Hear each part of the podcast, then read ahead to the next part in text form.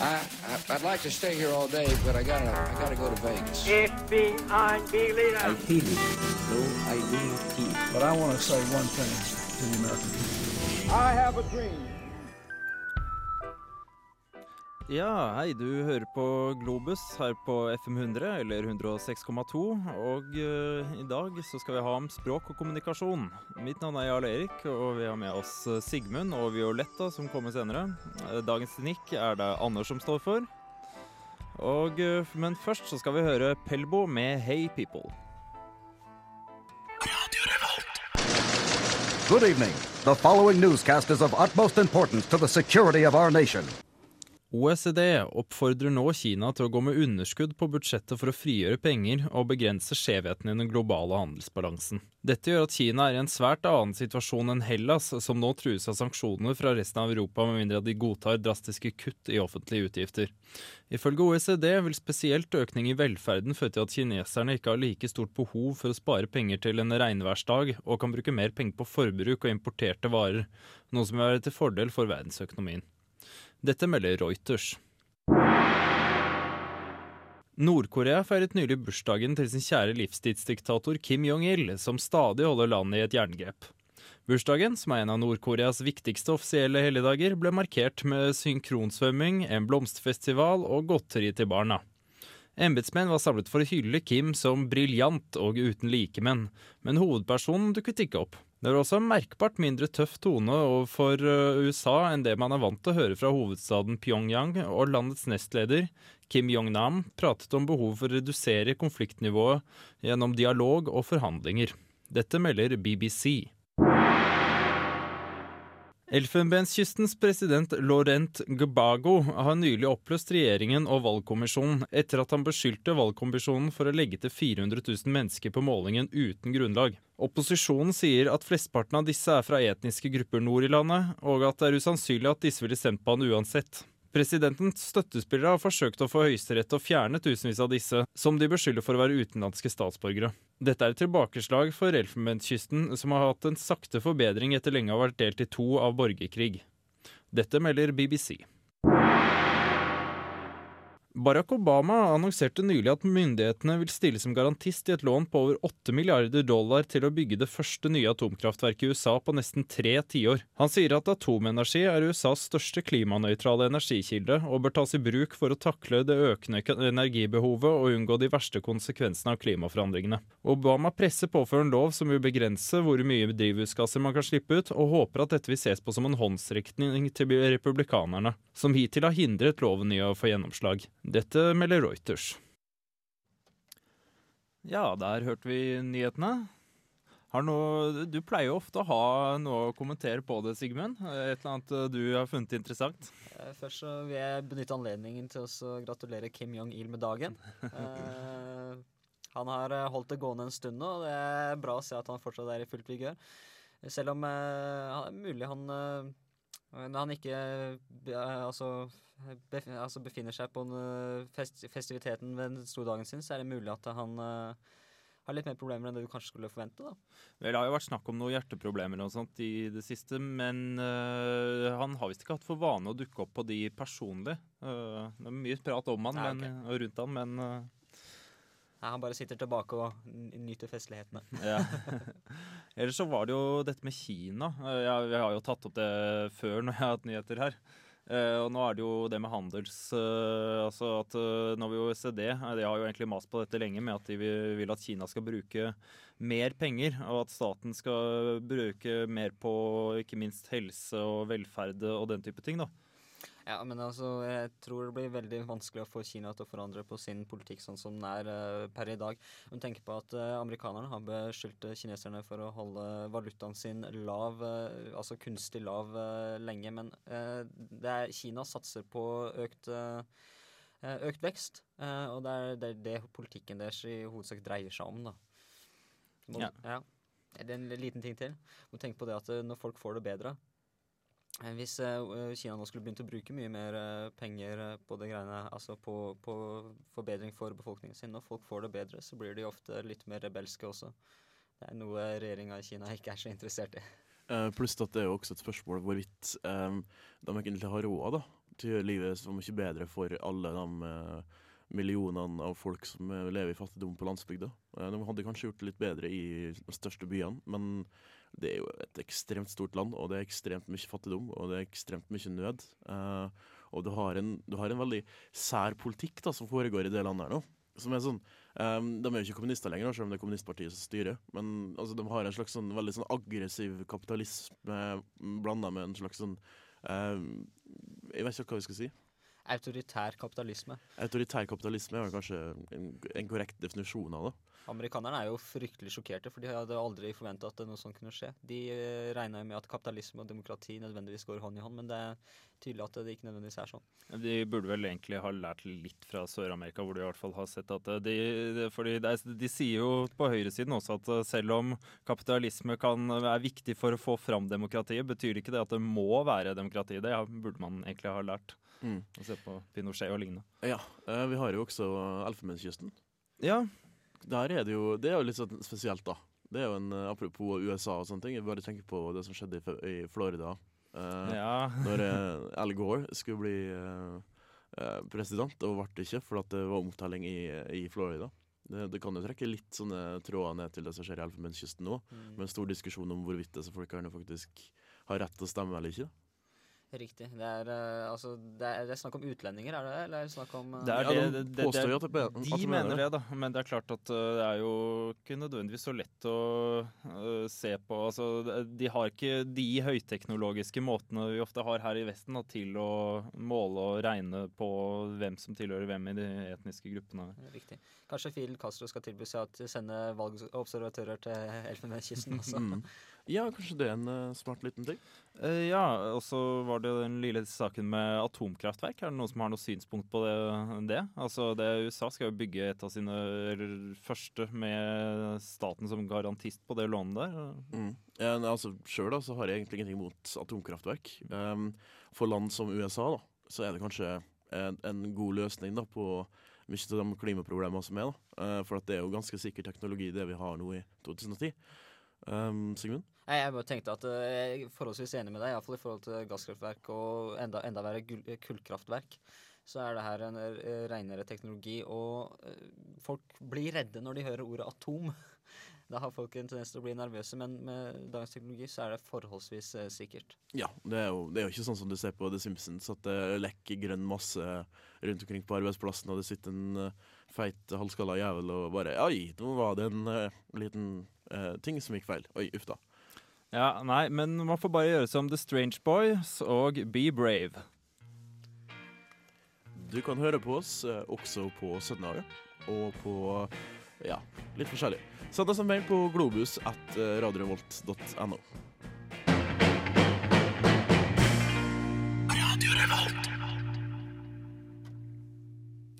Ja, du hører fortsatt på Globus her på Radio Revolt, og i dag så er jo vårt tema språk og kommunikasjon. Mm. Og eh, ja, vi har jo litt forskjellige saker til dere. Blant annet Sigmund har jo laget noe om eh, teknologi og eh, kommunikasjon, hvordan det, hvordan det kan påvirke utviklingen. Yes, det skal vi få høre litt om uh, seinere. Ja, så Violetta hun har flere intervjuer. Hun har fått intervju med noen lærere angående språk og opplæring, blant annet. Mm. Og så hun, hun har flere intervjuer, men her er vi Kommunikasjonsteknologien svikter oss litt, lite grann, men så hun er, det er derfor hun eh, nå er ute og jobber litt eh, med å redde, redde det vi har. Ja. Uh, vi har jo Der kommer hun faktisk inn i studio. Uh, ja, Violetta, kan du kanskje fortelle litt om hva du har eh, gjort uh, med intervjuene dine? Hei, god dag. Det var litt tekniske problemer, men nå er det bra. Ja. Du var litt lav, så jeg tror jeg kanskje skru opp lyden litt mer. Sånn. Hører du bedre nå, kanskje? Ja. Uh, ja. Og for at du har, jo, du, du har jo hatt noen intervju i dag, var det slik? Ja, um, jeg snakket med lærer fra Ringve videregående, med rektor fra Markaplass og lærer fra Lillebyskolen, og så med en elev fra Markaplass. Uh, jeg spurte dem hva er godt språk, og vi Mm. skal høre i dag hva de svarte. Ja. Og da er det jo eh, flere deler av det intervjuet her nå. Ja, dette blir vel da første delen hvor hun eh, snakker, du har snakket med de om eh, ja, bl.a. hva som er godt språk, og hvordan språkopplæringen er på videregående. Ja. Mm. Men da skal vi høre en sang først. ja, det blir Souls of Mischief med 93 Till Infinity. Tema for i dag er språk og kommunikasjon.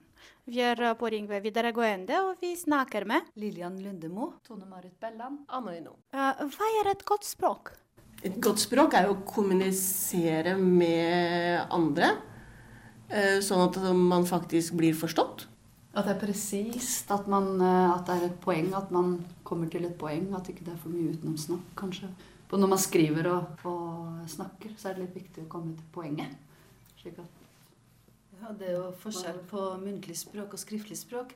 Det er kanskje vanskeligere å kommunisere med et skriftlig språk enn med et uh, muntlig språk. For i muntlig språk så har du kroppsspråk med, ikke sant, når du kommuniserer direkte med en person. Eh, Hvordan kan språk brukes i kommunikasjon med andre? Altså, du, må, du må jo bruke språket for å, å bli forstått av, av andre. Eh, Men, men noen ganger så er jo kroppsspråket eh, like viktig som, som eh, hvordan man formulerer ord. Um, jeg tror kanskje noe av det viktigste i, i, når, man, når man snakker sammen, er å, å ha tydelig uttale. Og da, hvis man har uttaler tydelig, så er det ikke så Altså, da er det mye lettere å bli forstått. Da er rekkefølgen av ordene vesentlig mindre viktig. sånn at hvis du er fremmedspråklig, så blir du likevel forstått fordi du uttaler ordene riktig, selv om de kommer da i rimelig underlig rekkefølge. Så jeg Ja. tror uttale er viktig. Og språket er jo liksom det, det mest grunnleggende kanskje vi har i kommunikasjon, da.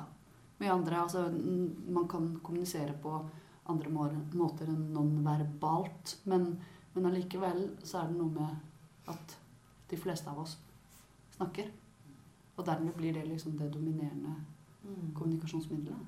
Så det er jo veldig viktig. Det er jo kanskje det er jo en motsetning eh, som vi har, vi som lærere i fremmedspråk på videregående skole. For skal vi lære dem eh, det grunnleggende i kommunikasjon, eller skal vi på en måte forberede dem for å, for å ta et språkfag på universitetet? Og da må vi innom mye mer grammatiske regler og pugging og, og sånn, enn hvis man bare tar utgangspunkt i enkle kommunikasjonsmodeller, kan du si.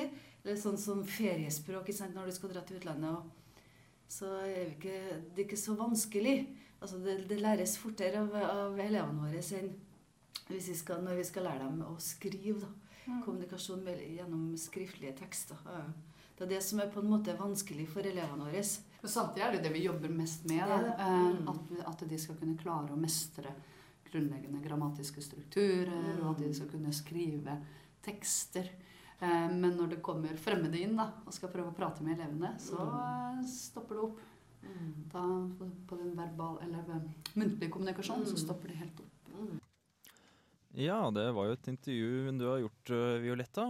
Du er jo, studerer jo litteratur, og du, du har funnet fram en del sånn teori på dette her som går på språk og kommunikasjon. Ja, det var veldig interessant å snakke med lærerne fra Ringve videregående. Uh, hva er eh, et godt språk? Det er ikke så enkelt å svare på spørsmål. Språk er menneskenes måte å kommunisere med hverandre på. Dette kan gjøres på mange måter. Vi kan kommunisere ved hjelp av tale, skriftspråk eller tegnspråk. For å kunne kommunisere er vi nødt til å forstå hverandre. Misforståelser oppstår lett, som f.eks. mennesker som snakker forskjellig språk skal kommunisere, eller eh, hvis den ene samtalepartner bruker ord og setninger som den andre rett og slett ikke forstår. Hva kan jeg si om språk? Språket er en døråpner, og vi må tilpasse oss språklig til de grupper vi ønsker å tilhøre. Språk er kanskje det viktigste kjennetegnet som skiller mennesket fra andre levende vesener. Språket er helt sentralt i menneskelig tenkning og samhandling, og kunnskaper om språk er essensielle for at vi skal forstå oss selv. Frem til midten av 1950-tallet rådet behaviorismen, en teoretisk redning som hevdet at alle kunnskaper om språk hos mennesket er lært. Barnet blir født som et tabula rasa. altså uten noen som helst redskap som hjelper til eh, språk, språklæringsprosessen. Dette synet var akseptert av de fleste fram til uh, i 1959. Chomsky utgangspunkt var språktilegnelse. Det er eh, et faktum at de fleste barn lærer de grunnleggende strukturene i morsmålet sitt i løpet av de tre til fem første leveårene. Dette er svært uh, raskt, og uh, det kan vanskelig forklares dersom alle strukturene må læres slik uh, vi lærer andre ting. Ikke minst er det slående at barn lærer mye som aldri finnes i språket de hører rundt seg. Ja, men hva sier dere? Hva sier du, Anders? Hva er et godt språk? Um, det, er veldig vanskelig å svare på, egentlig, hva som er et faktisk godt språk. Um, det, det, det, altså det må jo gå litt på hvordan du da bygger opp setninga, f.eks. Uh, hvis du tenker bare sånn generelt hvordan et godt språk er. Eller om godt språk også kan være hvis du har et veldig sånt billedlig språk, da. Kanskje. Et, et veldig sånt fargerikt språk. Ja, her kommer jeg også inn på sånn uh, Det er jo mange som vi kanskje i dag vil si at har et dårlig språk. Da tenker jeg på sånn typisk hiphop-artister og getto fra gettoen som generelt snakker et veldig dårlig engelsk. Altså sånn i forhold til ting som er grammatikal Det er jo ikke grammatikalsk riktig, men som samtidig kanskje har, i hvert fall i sine sanger, sånn Har en ordbruk og en kreativitet som Uh, er i hvert fall er interessant, og kanskje vil bli det senere også. Uh, Sigmund? Det blir jo litt med dialekter igjen, at uh, folk hele tida tar ord og uttrykk fra andre, andre, språk og utvikler sine egne for å gi seg sjøl en egen identitet.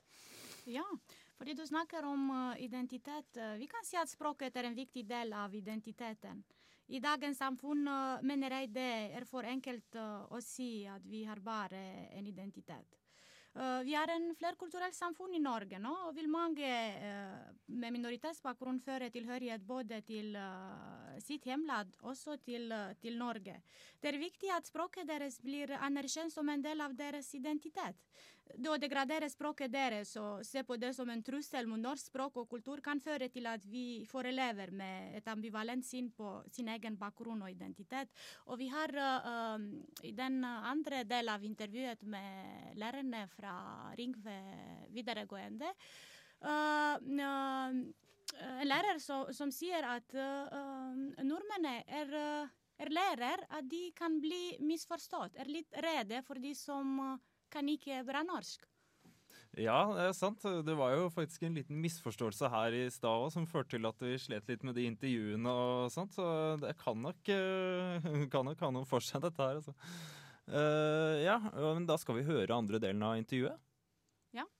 Men først får vi litt musikk. Uh, ja, jeg blir uh, jaga jazzist med prognissekongen, da.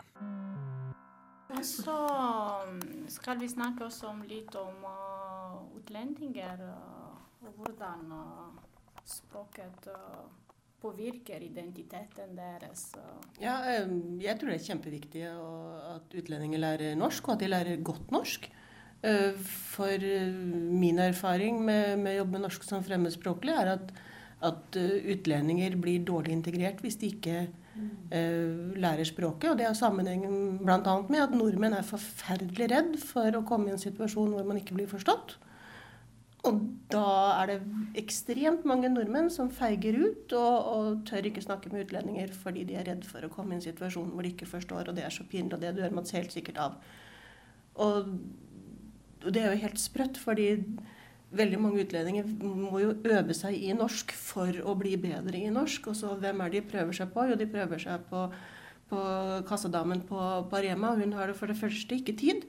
Snakker med dem, og hvis hun har tid, så tør hun ikke fordi det er så fryktelig skummelt. For tenk om hun ikke skjønner hva han sier, eller hun sier. Jeg også tror det at, at det er veldig viktig å bli god i norsk. da. Og så eh, at man har litt aksent og at man og det, det, er ikke så viktig, men at man har et ordforråd, sånn at man kan få uttrykke følelser og, og være presis og liksom si, få sagt hva man vil si og bli forstått. Det er jo veldig, veldig, veldig viktig. da. Og det er klart, det er jo forferdelig frustrerende å gå rundt eh, i et samfunn der man ikke mestrer det språklige ikke kan uttrykke følelser og meninger. Det er jo grusomt. Man får ikke vist hvem man er.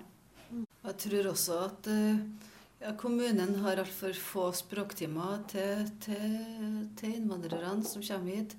Det skulle sikkert vært flere timer. fordi at eh, ja, sånn så Språk er jo veldig viktig for å bli en del av det, ja, kanskje det viktigste for å bli en del av eh, det norske samfunnet. Få seg jobb, ikke sant? Du fortalte at du har et barn uh, som går på første klasse.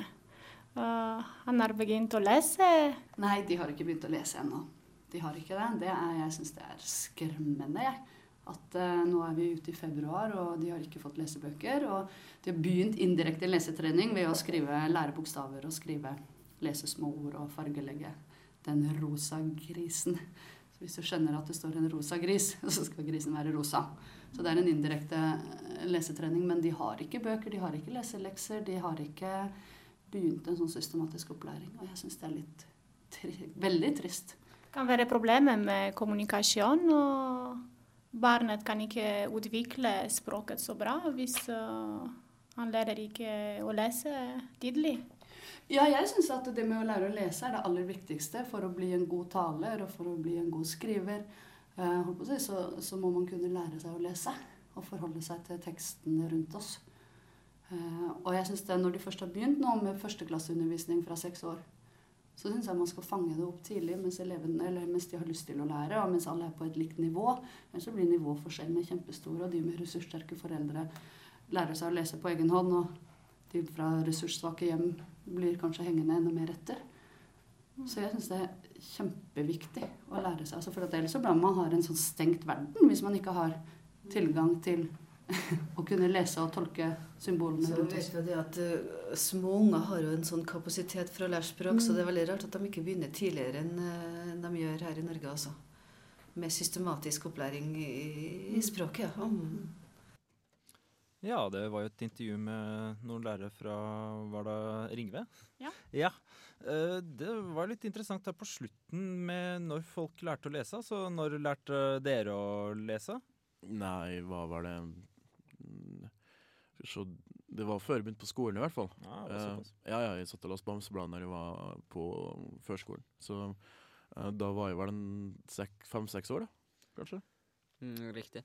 Uh, jeg for min del jeg lærte vel ikke å lese uh, før skolen, nei. Jeg hadde faktisk litt problemer i første klasse. Jeg hadde ikke lyst til å lære meg å lese. Jeg var fornøyd med å se på bildene i Donald-bladene. ja, og du Violetta? Ja, uh, det var litt morsomt med meg. som femåring prøvde mora mi å lære meg å lese, men vi får, fikk ikke lov fra min lærer fra barnehage fordi uh, det var kommunisme, og de sa at hvis jeg lærer å lese, uh, hva skal jeg gjøre når vi skal gå på skolen?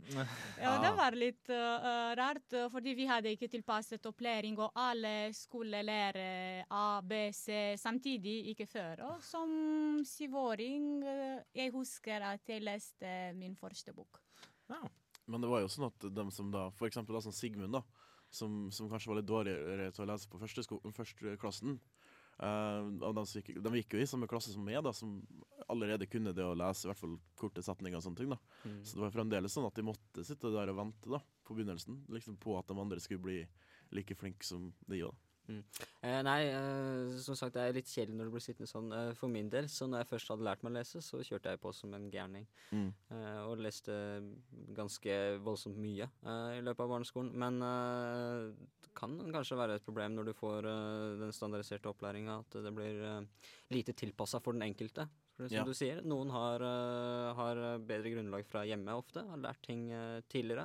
Mm. Ja, du har jo lærerforeldre, så vidt jeg vet. Men uh, du har jo også hatt noe om språk og identitet, altså hvordan det kan påvirkes. Ja, jeg vil kommentere litt hva lærerne fra Ringve videregående har snakket om. de de snakker om hvor viktig er språket for de som kommer til Norge, og så jeg sier at eh, språket har betydning for eh, identitetsutviklingen og identitetsfølelsen. Derfor eh, er det viktig å tenke over hva som skjer når barn og unge ikke lenger kan benytte seg av språket sitt. Barn og unge som har et annet morsmål enn norsk, vil i den første tiden etter at de er kommet til Norge, kunne føle seg fattig på uttrykksformer eh, og eh, av den grunn eh, kjenne sin identitet truet. Eh, Vi har mange barn eh, som kommer til Norge med svært ulik bakgrunn. Noen kommer til Norge fordi foreldrene deres har en utdannelse som gjør eh, at de er etterspurt eh, arbeidskraft. Andre igjen kommer fordi de har vært forfulgt eh, i sitt hjemland. Um, de, de ulike livssituasjonene vil prege barnet og kunne påvirke behovet for å uttrykke seg. Altså, barn er avhengig av eh, et språk for å kunne fortelle oss om landet de kommer fra, om savnet etter eh, bestevenn, om framtidsdrømmene i Norge, og om hva de liker å gjøre sammen med venner på fritiden. I Kunnskapsdepartementet eh, i 2006 eh, har vi Språket er personlig og identitetsdannende og nært knyttet til følelser. Morsmålet er viktig for opplevelse av egen identitet og mestring på mange områder. Ja, språket binder identitet, kultur og følelser sammen. Det er viktig for barnet å kunne utvikle de delene av sin identitet som er knyttet til familiens opprinnelsesland. Ja, hva sier dere? Eh, altså, jeg tenker på det du snakker om, og det å ikke kunne uttrykke seg ordentlig når du kommer til et nytt land. Det må være Jeg har jo ikke den erfaringa, men det må være eh, betydelige vanskeligheter ved det. Eh, for som du sier, språket ditt er identiteten din.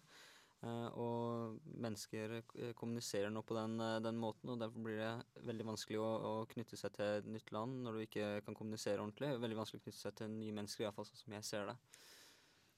Uh, som uh, lærer uh, har jeg opplevd uh, noe ubehagelig.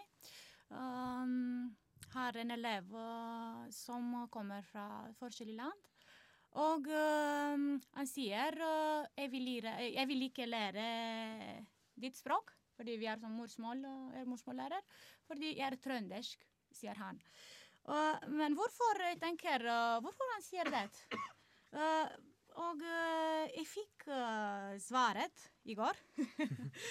Eh, jeg leste på internett at hver gang vi skammer oss over vårt språk, skammer vi oss egentlig over hvordan vi blir oppfattet av andre. Mm. Og det er sant, eleven min tenker om hvordan de andre kan tenke om han. Nå, hva sier dere? Jeg syns det er litt stilig at han faktisk ser på seg sjøl som trønder. Det syns jeg er litt morsomt. Ja, det er.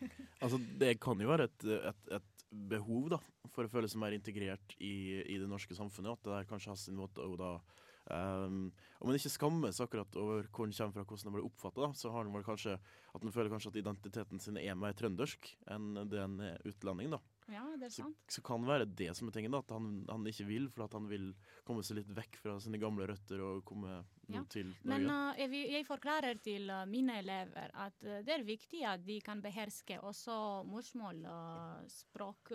De, de er veldig rike i å uttrykke seg. Uh, ja. Ja, det sies jo at de som eh, klarer å beherske begge deler, altså både morsmål og eh, norsk, og som samtidig liksom har en kulturell forståelse av hvor de kommer fra, og, eh, og allikevel klarer å integrere seg i Norge, er de som klarer seg aller best. Ja, øh, men vi skal vel øh, ha et intervju med en fra Markaplassen etterpå. Men først så skal vi høre Savoir Ador med 'Bading'. Ja, da Violetta skal du introdusere en sak om, øh, med et intervju med en som heter Andrej. Og ja, Borla Andrej som går på tiende trinn på Markaplass. Vi skal høre hva han sier. Vi er på Markaplass ungdomsskolen og snakker med. Andrej, uh, i tiende klasse. Hvor kommer du fra, Andrej? Jeg kommer fra Romania. Uh, et og et halvt år siden. Uh, hvor viktig er språket uh, for deg, og uh, hvor viktig er språket når du er sammen med venner? Mm, den er veldig viktig, fordi uh, det er en kode for ungdommer som de må kommunisere, og de må beherske en spesifikk dialekt ja, for å få respekten. Hadde du problemer i begynnelsen for å tilpasse deg samfunnet? Ja, det var litt vanskelig for meg. Og jeg hadde ikke mye venner og sånn, men nå, nå er det bedre. Og ja, men uh, jeg begynner å lære språket bedre nå, fordi jeg lærte i Romania tysk og engelsk. Jeg er så på en tysk skole, Og jeg lærte alltid tysk. Eh, det er annerledes eh, med vennene dine her enn i Romania. Ja, det er litt forskjellig. Um, vi bruker ikke å si det samme joker og sånn. Jeg er på Markaplass eh, ungdomsskolen og snakker med rektor. Rande Skjelvåg. Um, hvordan er det å være lektor på ungdomsskolen? Det er en kjempespennende jobb. Eh, Det er fryktelig artig å kunne eh, være med og være sammen med ungdommer akkurat i den alderen de er når de er på ungdomsskole fra 13 til 16 år. Da skjer det veldig mye med dem, og det er kjempespennende. Um, hvor viktig er språk og kommunikasjonen i jobben som du gjør? Språk og kommunikasjon er alltid viktig, eh, enten det nå gjelder det pedagogiske arbeidet som foregår eh, i klasserommene mellom, eh, mellom lærere og elever, og i forhold til eh, hjemmene, foreldre, eh, elevene imellom og lærerne imellom. Det er viktig uansett. Ja, der hørte vi jo først et uh, intervju med Andrej fra Markaplassen, og så et intervju med rektoren, var det det? Eller var det lektoren? Rektor. det var rektoren, ja. Uh, ja, du hadde noe på det? Å ja, uh, nei. Eh, ja. Og en liten kommunikasjonssvikt igjen. Det er sånn som skjer av og til. Men uh, fordi vi sier at vi hører det vi vil høre. Uh, nyere forskning på kommunikasjon mellom mennesker lener mot et nytt syn på språkets rolle. Man ser ikke lenger på språket som et nøytralt og konkret verktøy, men snarere som noe som utvikler seg mellom mennesker som snakker sammen. Et eksempel på dette kan være at du forteller noe til en venn, og hun forstår hva du mener og støtter deg.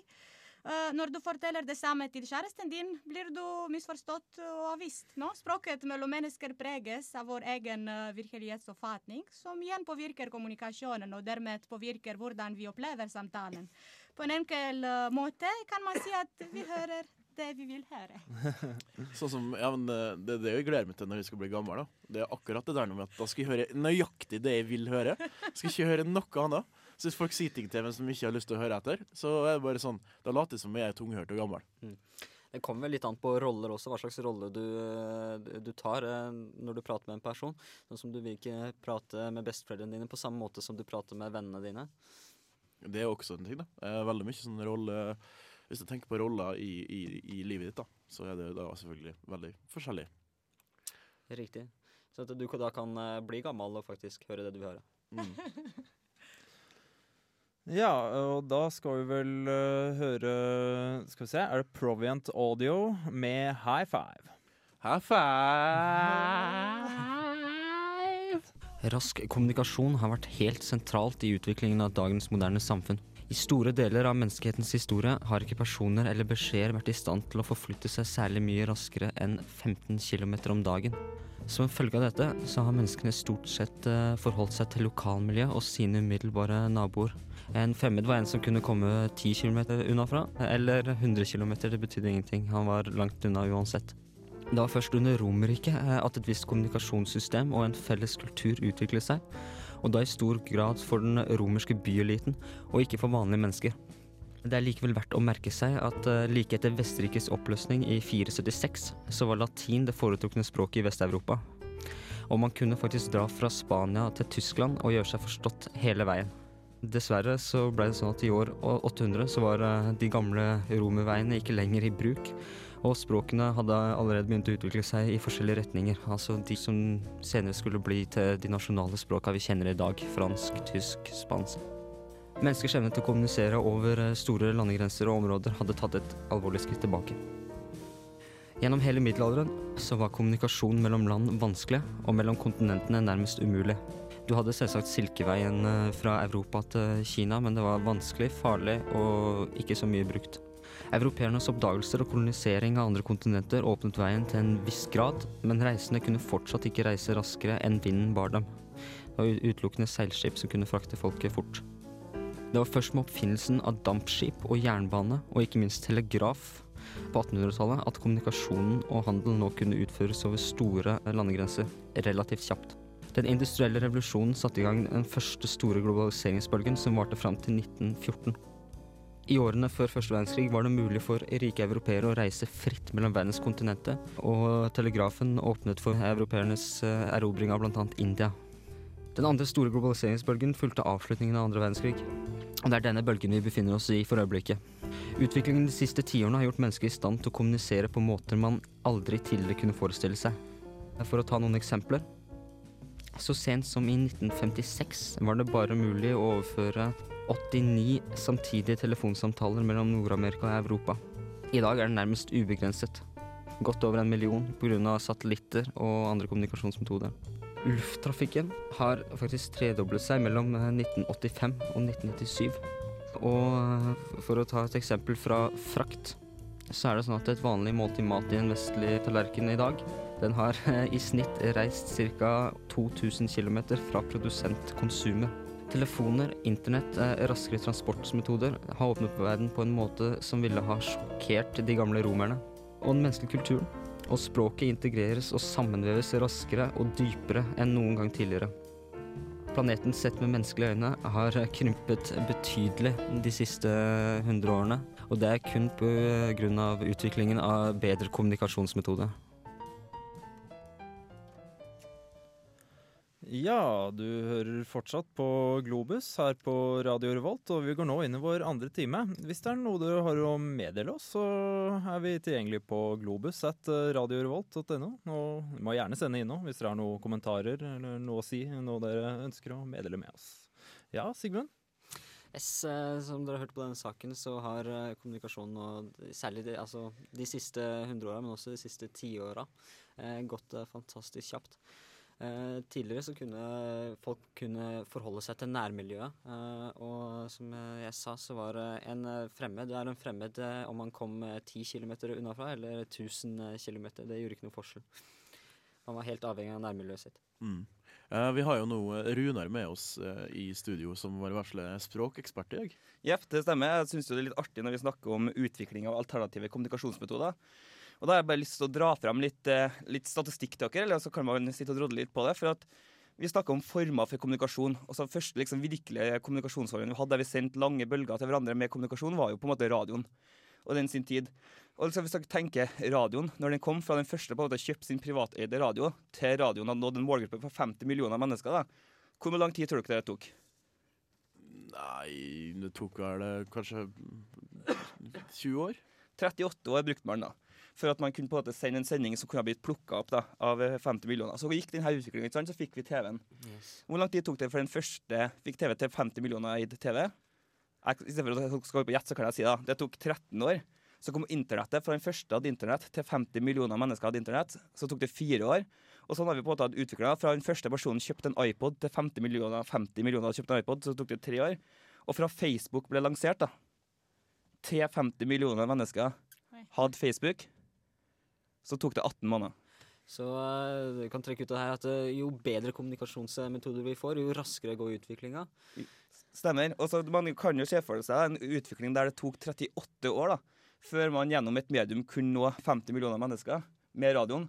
Så gikk det nå 18 måneder da, gjennom den utviklinga vi hadde med teknologi, mm. før 50 millioner mennesker satt på Facebook. Og det har gjort en ting da, Vi har jo fått de her nye nettsamfunnene ikke sant, som vi snakker om. Og bare for å dra et eksempel, da, så har MySpace, en av de mest kjente internett-devicesene man har der ute, mest brukt 200 millioner eh, brukere, registrerte brukere nå. da.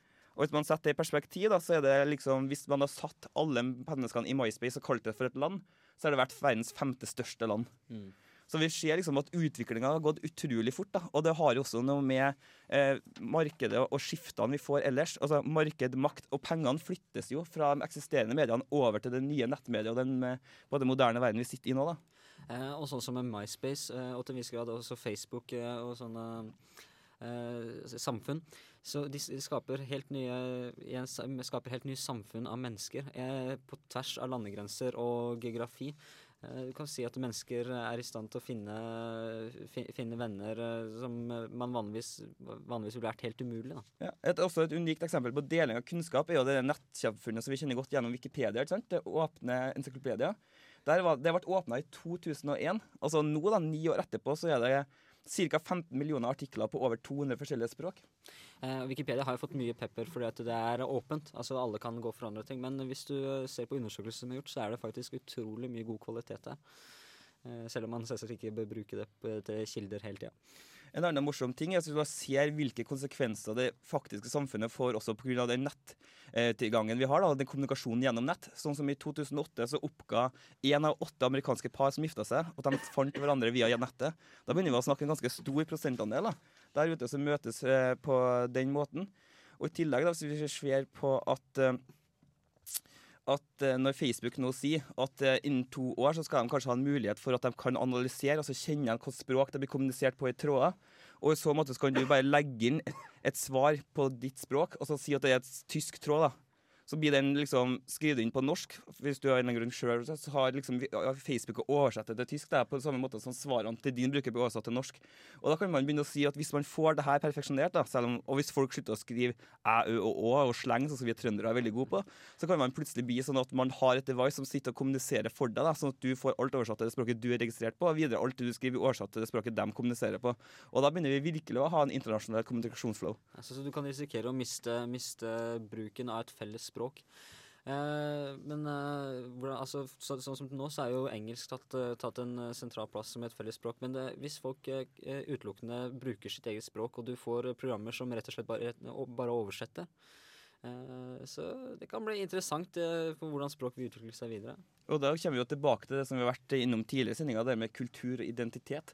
Altså, ja, det letter byrden vår i forhold til kommunikasjon. Ja, kommunikasjonsformene med andre blir enklere. Vi har allerede nå Google Translate, så lar meg skrive beskjeder til en venninne jeg har i Japan. Jeg skriver på liksom norsk, og så sier jeg oversett til japansk, og så paste jeg. Så får jeg litt tilbake at det var litt kunstnerisk framført, men dog hun forstår essensen i det jeg sier. da. Og Vi skal ikke veldig langt tilbake i tid. Vi snakker vel bare rundt andre verdenskrig før folk faktisk måtte lære seg alle de her språkene for å kunne ha en sånn type kommunikasjon.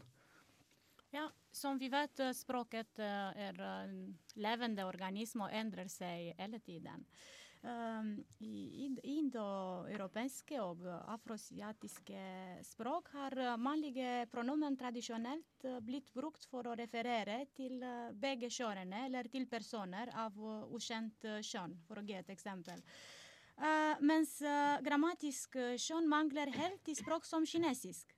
Eh, kinesisk bruker også samme pronomen eh, ta for både hun, eh, han og det, selv om eh, ulike tegn for å skille betydningene fra hverandre skriftlig har oppstått siden 1800-tallet, muligens eh, påvirket av eh, europeisk eh, språkbruk.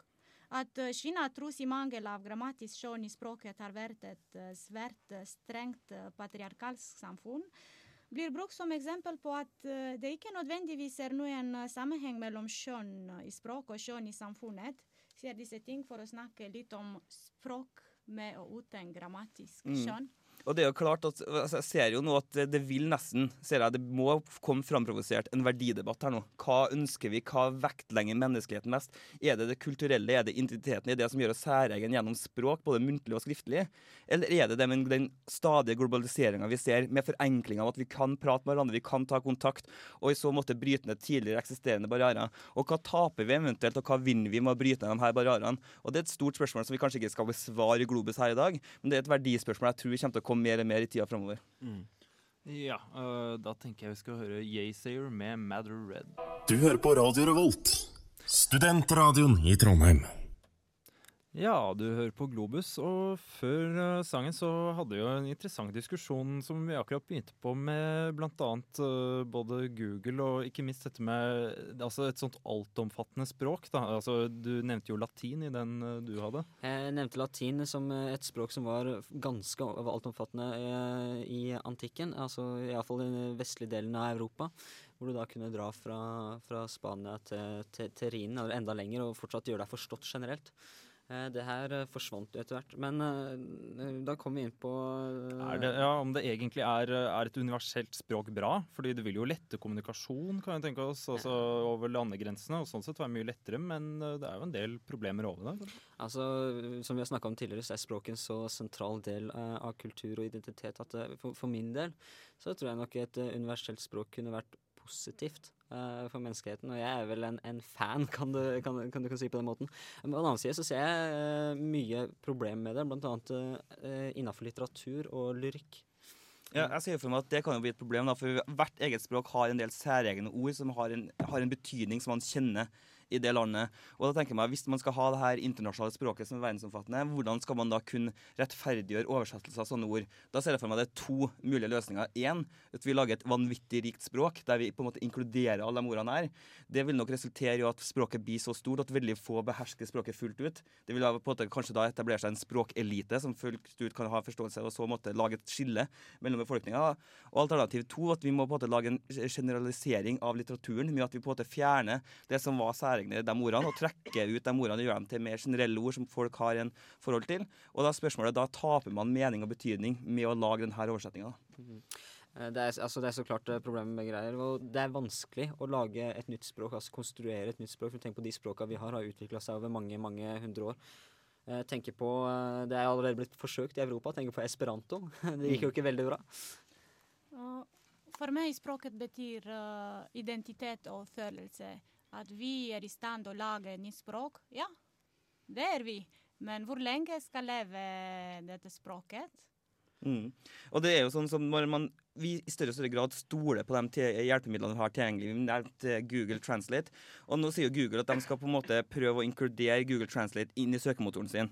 Og når man vet at fra 2008 så var det 32 milliarder unike søk i Google, og sier at det kommer opp en interessant side for min del fra Tsjekkia. Jeg er temmelig svak i tsjekkisk, men jeg får en oversettelse fra Google. ikke sant? Og Hvis det blir sånn at man stoler så mye på de verktøyene som gjør denne oversettelsesjobben for oss, da, kan det ikke så måte være på en måte en sparkplugg til, til misforståelser, og så måte skape en hel del unødvendige diskusjoner, og så kan man bygge på diskusjon til hat, hat, opprør osv. Så, videre. så man kan få sånne negative spiraler pga. at vi stoler for mye på de tekniske hjelpemidlene vi har blitt vant med å ha i hverdagen vår. da. Ja, og jeg er eh, Altså, det er for så vidt helt riktig. Vi må ikke stole for mye på tekniske hjelpemidler. Men jeg er også litt jeg er redd for at folk etter hvert eh, knyt, altså knyter seg for mye opp i sin egen kultur. Altså isolerer seg igjen, da, hvis du fortsatt altså, gjør det på den måten. Som utlending har uh, jeg veldig mye behov å forstå bra norsk språk. Og min årbok, norsk romansk, uh, er veldig dårlig. Jeg har ikke oversatt uttrykkene og mange ord som jeg må bare vite. Og jeg bruker Google, og jeg prøver å oversette fra norsk til rumensk og omvendt, men det er veldig dårlig. Jeg klarer ikke å få bra språk. Nei, det er nok en viss teknologisk utvikling som må foregå før det blir et uh, alternativ. Um, men i, i 1989 da, så var det jo en, en, stor språkbarriere som da gikk i bakken her i Europa. Uh, og det var jo da um, eh, Da var, var muren, eh, Berlinmuren. Um, og vi alle her er vel gamle nok til at vi var eh, unge eh, Vi var i hvert fall født um, før murens fall. Eh, så derfor kan vi gjøre som eh, den neste gruppa her og kalle oss Cold War Kids. Eh, og gruppa Cold War Kids har jo da sangen Audience.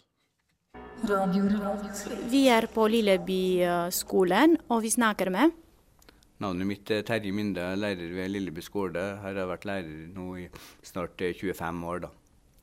Og jeg underviser i de aller fleste, fleste fagene. Og ja, det kan variere litt i ulike skoleårene hvilke fag jeg har mest. da. I år har jeg ganske mye eh, sam samfunnsfag, naturfag og kroppsøving. På Radio Revolt har vi som tema i dag språk og kommunikasjon. Hvorfor tror du at språket er viktig for barn og unge? Språk er veldig viktig fordi at det er jo en brobygger. Du oppnår kontakt med andre barn. Barna, elevene får kontakt med de andre elevene og får kontakt med de voksne gjennom språket. Og språket er med på, eller et godt utvikla språk er med på å, å hindre misforståelser. Og elevene klarer å gi uttrykk for uh, sine meninger, sine følelser og en unngår uh, misforståelser og frustrasjoner. Derfor er et godt språk veldig viktig. Det er viktig at vi på skolen klarer å, å bidra til at elevene utvikler eh, språket sitt, sånn at de kan eh, eh, kommunisere med omverdenen, og likedan som voksne da, eh, kommer ut i samfunnet og, og får seg en, en, en skikkelig jobb. Ja, her på Globus så pleier vi vanligvis å ha et ukas land, og i dag så feirer jo Kosovo sin suverenitet. Og i den anledning så har Anders Måsund laget en sak på de. Kosovo erklærte seg som uavhengig stat den 17. februar 2008. Kosovo grenser til Montenegro i nordvest, til Albania i sørvest, til republikken Makedonia i sør og Serbia i nordøst. Kosovo har et areal på 10 887 kvadratkilometer og er omgitt av land og har dermed ingen kyststripe. Store deler av Kosovo er fjellkledd, og høydene går fra 297 meter over havet ved Den hvite drin til Deravikas 2565 meter over havet. Hovedstaden i Kosovo er Pristina, hvor de fleste av Kosovos universiteter og høyskoler ligger. Kosovos historie før 1989 den er litt omdiskutert, og den er ganske omstridt. Men det vi vet helt sikkert, er at de har vært kontrollert av bl.a. romerne, av det bulgarske riket, ottomanerne og til slutt Jugoslavia og Serbia. Og fram til sin uavhengighetserklæring formelt blitt ansett som en provins da, i Serbia. Siden 1999 og slutten på Kosovo-krigen så har området eh, blitt styrt av Nato, FN og EU i fellesskap. Kosovo-krigen den starta jo da som en borgerkrig og utvikla seg til en internasjonal storkonflikt. Albanske separatister starta geriljakrig mot styresmaktene fra 1996, noe som da ble omtalt som en frigjøringskrig av albanerne og terrorisme av serberne. I 1999 kom det til krig mellom Jugoslavia og Nato. Krigen endte etter at regjeringa i Beograd godtok betingelser som var da framforhandla av en finsk-russisk meglingsgruppe. Alle jugoslaviske tropper ble trukket tilbake fra Kosovo, og Nato og FN gikk inn med fredsbevarende styrke.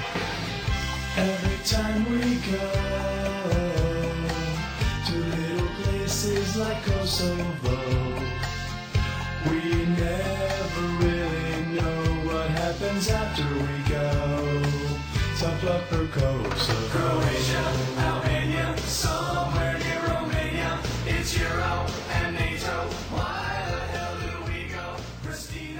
Kosovos nasjonalforsamling vedtok den 17. februar 2008 at Kosovo nå er en suveren og demokratisk stat, og dermed uavhengig av Serbia. Dagen etter uavhengighetserklæringa ble Kosovo anerkjent som suveren stat av bl.a. Frankrike og Storbritannia og USA. Mens da Serbia og landets store støttespiller Russland har gjort det klart at de aldri kommer til å anerkjenne Kosovo. Uavhengigheten har heller ikke flertallet av FNs medlemsnasjoner godkjent. Og dette fører bl.a. til at Kosovo ikke vil bli tatt opp som FN-medlem i nærmeste framtid. Dette bl.a. pga. Russlands vetorett i Sikkerhetsrådet. Ja, øh, vi har jo Vi hørte jo akkurat saken om Kosova. og det er jo et øh, mye Det er nok mye nasjonalfølelse knyttet til det der. Og når vi tenker på nasjonalfølelse her i Norge, så har det jo vært mye med spesielt øh, både bokmål og den og nynorskstriden. Altså, du har jo noe på Har jo sett litt på dette, Violetta. Ja. Um, dere husker at jeg har snakket om min elev som, uh, som sa jeg er trøndersk. Jeg sier bare at ja, jeg elsker dette landet, og så jeg, en dag uh, kanskje jeg skal bli heller uh, norsk. Um, ja, vi skal snakke litt om uh, språkhistorien på 1800-tallet. Og som bakgrunn har jeg folkemusikk. Anders? ja, 1800-tallet. I 1800-tallet Norge kom inn uh, i en tid hvor det var viktig å være stolt av landet sitt og ha en nasjonal følelse. Konflikten utvikler seg slik. Skulle nordmenn fortsette å skrive på dansk eller utvikle et nytt skriftspråk? 1803-årenes språk uh, kom som første gang på agendaen i Norge. En av de som utløste konflikten, var Wergeland, som brukte norske ord og uttrykk i diktningen sin. Fornorskede ord som dette kalles norvagismer. Den uh, skarpeste kritikeren mot dette kom fra Munch, en historiker.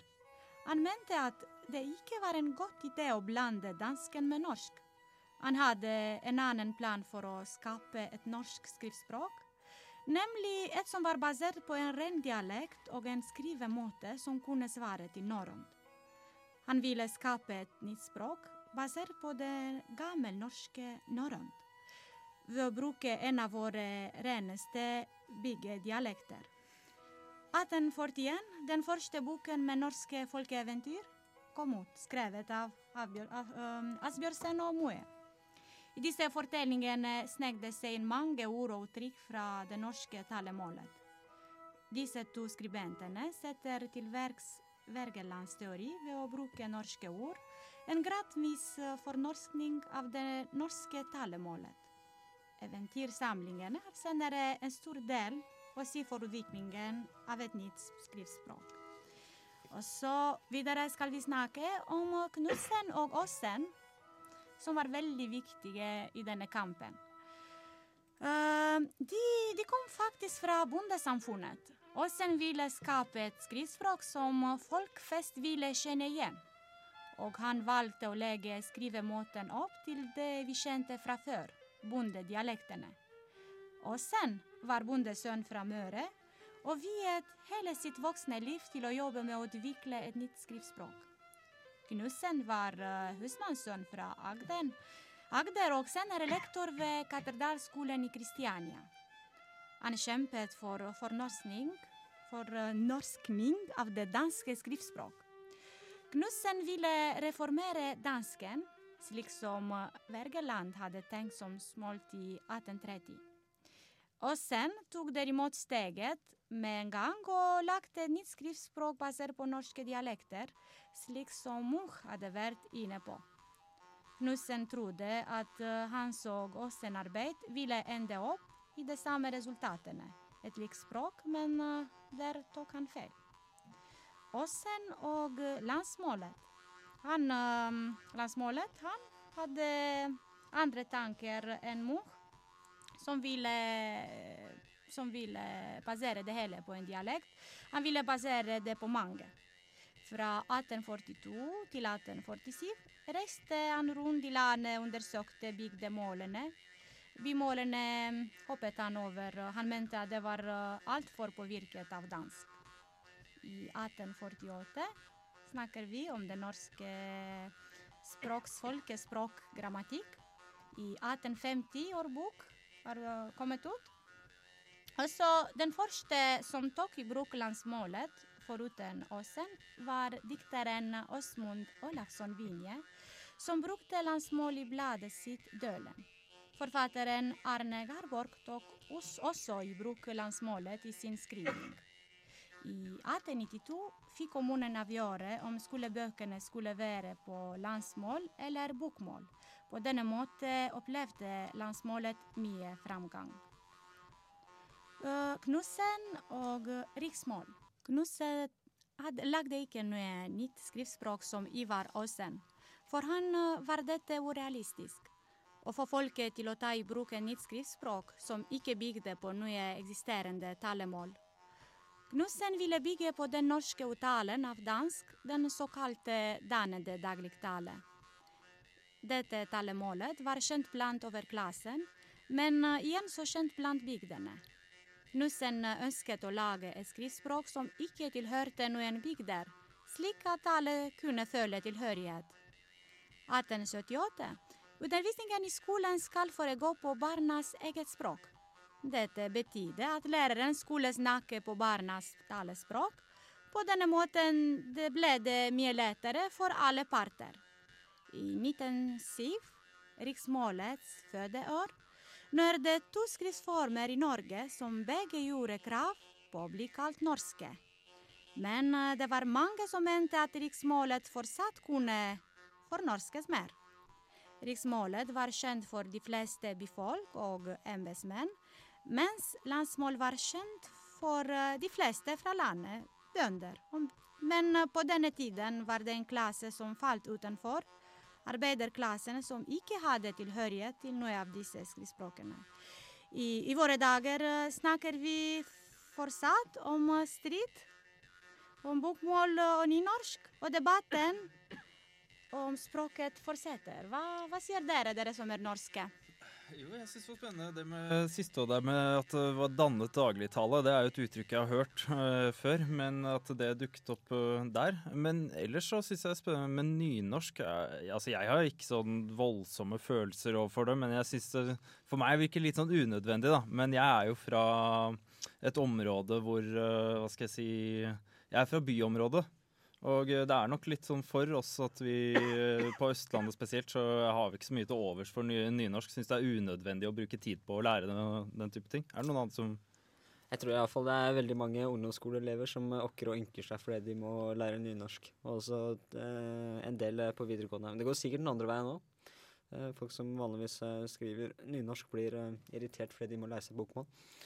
Norge er- Ja, altså, den som, altså hit hadde nynorsk i ni år. Eh, fra barneskolen og, hele ungdomsskolen. Eh, så for min del så var det ganske enkelt å skrive bokmål, da, eh, faktisk. For at nynorsk er et vanskeligere språk, og når du først har lært nynorsk, så er det- faktisk ganske enkelt å lære seg bokmål etterpå. Og hvis dere hørte min intervju med en av lærerne fra Ringve videregående, hun underviser norsk norskspråk. Og hun sa uh, i intervju at uh, faktisk nynorsk er ikke et vanskelig språk. Du må lære bare de grammatiske reglene veldig bra. Fordi uh, nynorsk uh, dere bruker i dagligtale. Dere bruker så mange dialekter at det skulle ikke være så vanskelig å bruke. Ja, Likevel føles det sånn av og til. Men eh, da jeg vi skal høre Lone med 'Sungracer Cascade.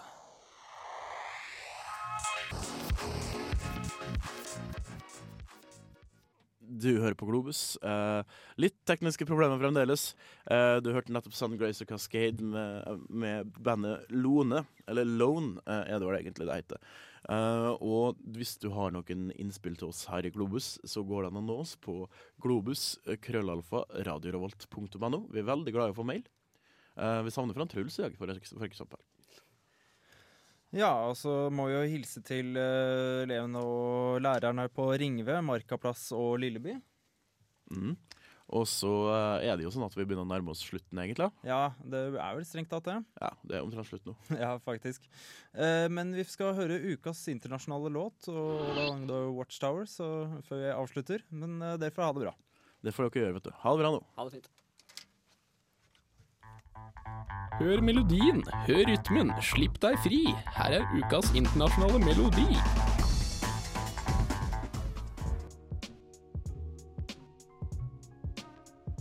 Ukas utenlandske låt, melodi, er på trappene igjen. Og Jarl Erik, hvor er det, hvilket land er det vi skal dypdykke i i dag? Ja, nå kan vi spørre oss, er det Frankrike eller er det Spania? Jeg har nemlig valgt uh, artisten Manu Chao med Megustas Tu.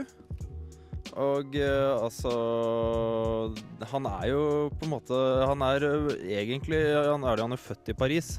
Men han er jo, er jo baskisk og galisisk, som er to etniske spanske grupper. Og han synger på veldig mange forskjellige språk også, så vi kan kanskje si at han er spansk i dette tilfellet, da. Skal vi heller si at han er ukas internasjonale melodi? kanskje, Ja, kanskje han er, eh, er det. Han, eh, er, ja, han har jo synger jo både på arabisk, portugisisk, spansk, fransk, engelsk tidvis til og med.